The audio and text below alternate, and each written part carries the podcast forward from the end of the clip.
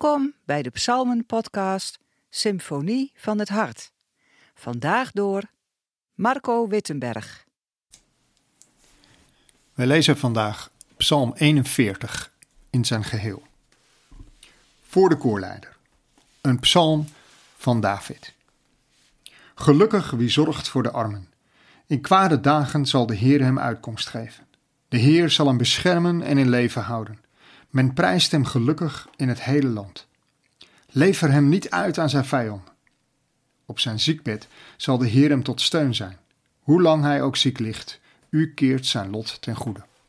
Ik zeg, Heer, wees mij genadig, genees mij, ik heb tegen u gezondigd.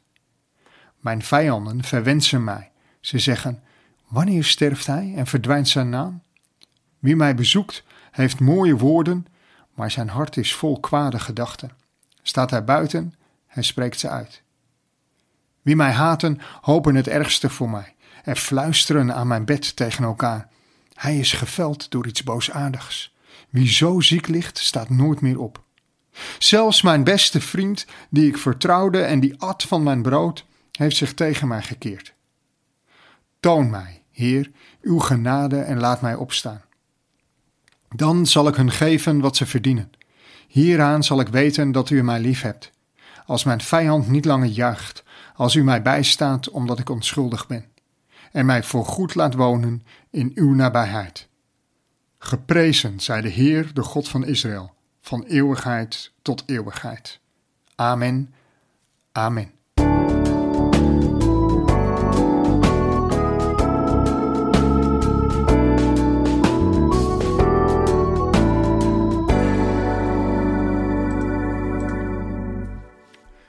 Spreekwoord zegt: In nood leer je je vrienden kennen.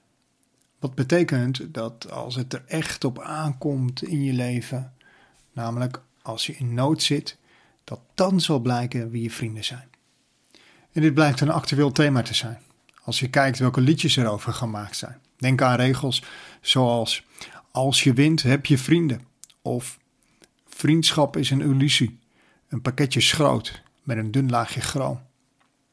Het laat zien hoe hard het leven is, hoe verraderlijk vriendschap kan zijn en tegelijkertijd hoe het ons ook het belang laat zien van echte vriendschap. En pas als je zelf in nood zit, leer je je vrienden kennen. Als we kijken naar Psalm 41, dan lezen we over David die ziek is, aan bed gekluisterd. Een specifieke ziekte wordt niet genoemd. Ook niet een specifieke periode of situatie uit zijn leven. Dat maakt het aan de ene kant moeilijk om deze psalm direct in het leven van David te plaatsen. Maar tegelijkertijd betekent dit dat deze psalm in zijn algemeenheid geschikt is bij ziekte of tegenslag. En het middendeel van de psalm, de versen 5 tot en met 10, richten zich op de sociale omgeving van de zieke. Vijanden, bezoekers, vrienden. Hoe gaan zij om met de zieke in kwestie? En hoe ervaart de zieke deze contacten? Is er echte vriendschap?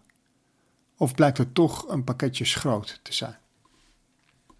Helaas is dat laatste het geval. David beklaagt zich bij God. Zijn vijanden maken het erger.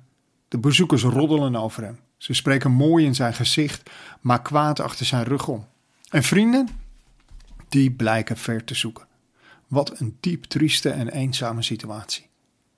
En misschien herken je het wel in je eigen leven of bij iemand anders. Hoe kan je dit volhouden? Hoe ga je hiermee om? De klacht, het verdriet en de eenzaamheid van David in het midden van deze psalm zijn omgeven met lofprijs en dankzegging aan God. In kwade dagen geeft God uitkomst en bescherming. Is Hij tot steun en keert de situatie om. God is nabij en Hij is te prijzen tot een eeuwigheid. Het contrast kan bijna niet groter zijn. Eenzaam, ziek en verlaten door mensen, door je zogenaamde vrienden. Maar tegelijkertijd die diepe nabijheid en bescherming van God ervaren. Het lijkt haast te mooi om waar te zijn. En toch, toch weet ik uit eigen ervaring en ook uit de verhalen van anderen dat dit klopt. Paulus schrijft aan de Filippenzen dat Gods rust en vrede alle verstand te boven gaat. en dat ons hart en onze gedachten bewaard zullen blijven. Hoe het werkt, weet ik niet. Dat het werkt, weet ik wel. Als we juist te midden van eenzaamheid en ziekte het toch kunnen opbrengen om God te zoeken, Hem te danken en Hem te aanbidden, dan gebeurt er iets. Op de een of andere manier komt er rust en vrede. Alsof je door je op God te richten en niet op je omstandigheden er bovenuit getild wordt. En natuurlijk kan je zeggen dat het te maken heeft met je gedachten verzetten, met het zoeken van afleiding of gewoon aan iets of iemand anders denken. Maar ik denk dat het meer is. Dat het niet natuurlijk is, maar boven natuurlijk. David omkleedt zijn klacht en eenzaamheid met dankzegging naar God en vertrouwen in God. Op de een of andere manier heeft hij ontdekt bij wie hij moet zijn. En dat wat er ook gebeurt, God hem niet zal verlaten of achter zijn rug om nare dingen zegt. Concreet betekent dit dus dat we in God, met alle respect, een vriend hebben die ons nooit verlaat. Hoeveel er ook is en blijft wat we niet begrijpen. God is er. Hoeveel vragen of eenzaamheid soms ook, onze hulp is in Hem. Dat maakt ook dat David deze psalm kan afsluiten met een geprezen zij de Heer van eeuwigheid tot eeuwigheid.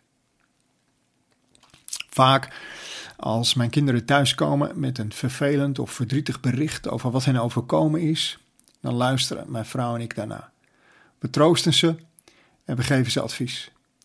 En meestal zeg ik dan ook nog zoiets als: onthoud dit goed en zorg dat je het zelf beter doet in zo'nzelfde soortige situatie.